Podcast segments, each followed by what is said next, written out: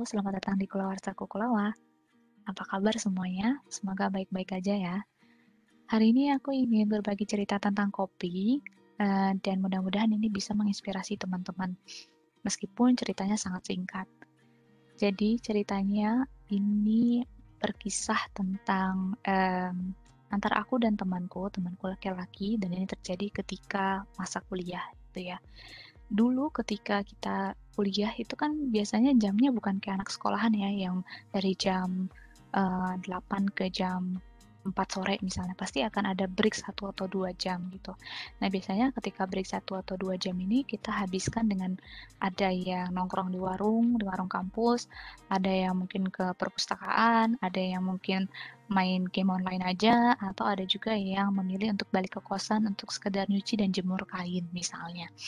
Jadi uh, aku adalah salah satu yang akhirnya belajar untuk uh, memanfaatkan waktu dengan baik yaitu adalah uh, beristirahat ya. Jadi entah sejak kapan aku mengenal istilah tidur siang untuk anak kuliahan ya. Bayangkan maksudku adalah aku sudah lama tidak tidur siang gitu ya mulai dari mungkin kelas 1 SMP sampai uh, SMA gitu ya masa-masa selesai SMA seperti itu nggak pernah kenal dengan istilah yang namanya tidur siang.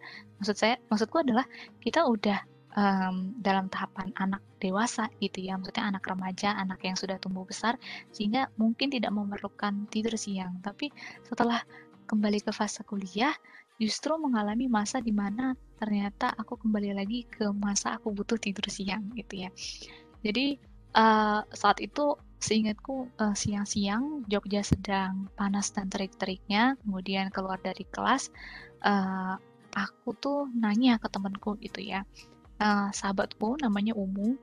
Jadi si Umu ini uh, dialah yang memperkenalkan kepadaku istilah untuk tidur siang gitu ya. Sehingga setiap kali panas sudah mulai terik dan kita sudah selesai makan siang, pasti bawaannya itu adalah ngantuk gitu ya. Dan dia opsinya adalah ngajak untuk tidur siang yang nanti mungkin kayak tidur siang mungkin jam 2-an, kemudian bisa bangun kayak habis asar atau jam 4-an gitu. Seperti itu dan memang sebenarnya rasanya enak banget gitu ya karena begitu sore dan menjelang malam badan udah mulai fresh dan enak banget untuk dipakai ngerjain tugas kuliah gitu.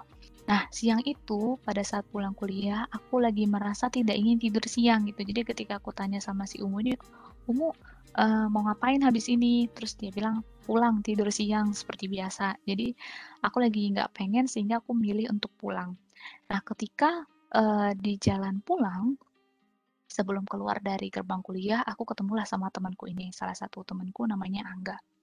Nah, si Angga ini nawarin untuk nganter pulang gitu ya. Kemudian karena kan kayak kosanku deket banget dari kuliahan kayak jalan kaki eh, 10 sampai 15 menit, cuman karena panas banget sehingga aku senang banget ketika ditebengin pulang.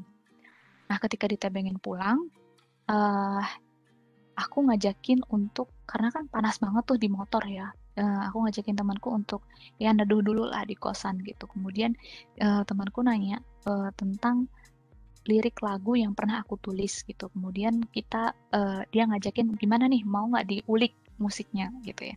Sehingga oke okay lah gitu.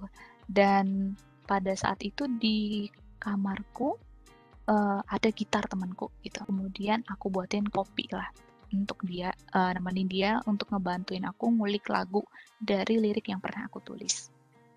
Nah, waktu aku nyiapin kopi untuk temanku si Angga ini, aku nuang kopinya itu uh, air panasnya itu kebanyakan gitu ya. Karena menurutku seharusnya uh, setengah-setengah gitu ya, setengah air panas, kemudian setengah lagi yang air biasa sehingga kopinya bisa cepat diminum gitu ya.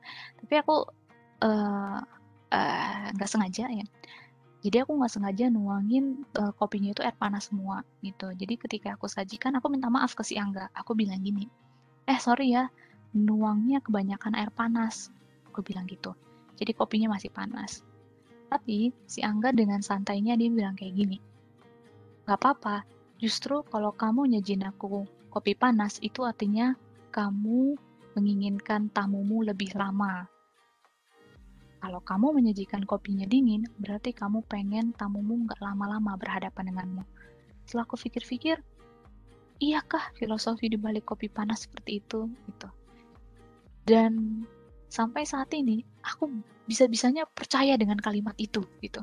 Walaupun itu cuma sekali dan hanya saat itu diucapkan. Tapi aku tetap percaya dengan istilah itu gitu. Jadi bahwa ketika menyajikan kopi atau mungkin menyajikan minuman, ada makna di balik minuman itu gitu ya.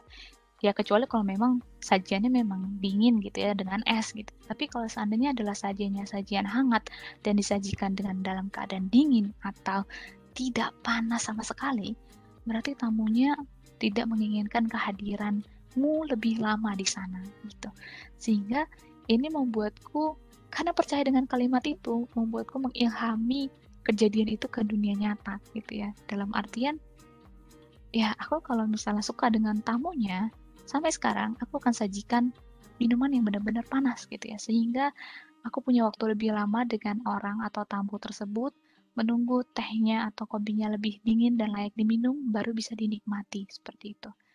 Dan ketika misalnya seandainya aku kurang suka dengan tamunya untuk berlama-lama, maka tidak akan kusajikan kopi atau minuman yang panas gitu ya, melainkan yang suam-suam kuku sehingga dia cepat dingin seperti itu tujuannya ya memang ya agar cepat diminum gitu loh dan cepat habis sehingga um, mungkin bisa lebih cepat berakhir uh, waktu silaturahminya seperti itu.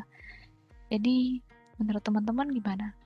apakah teman-teman akan melakukan hal yang sama, yaitu adalah menyajikan minuman yang sangat panas sehingga uh, akan memperlama uh, waktu silaturahmi untuk tamu-tamu yang Anda senangi, atau teman-teman ya biasa aja sih nyajiin minuman, ya nyajiin aja.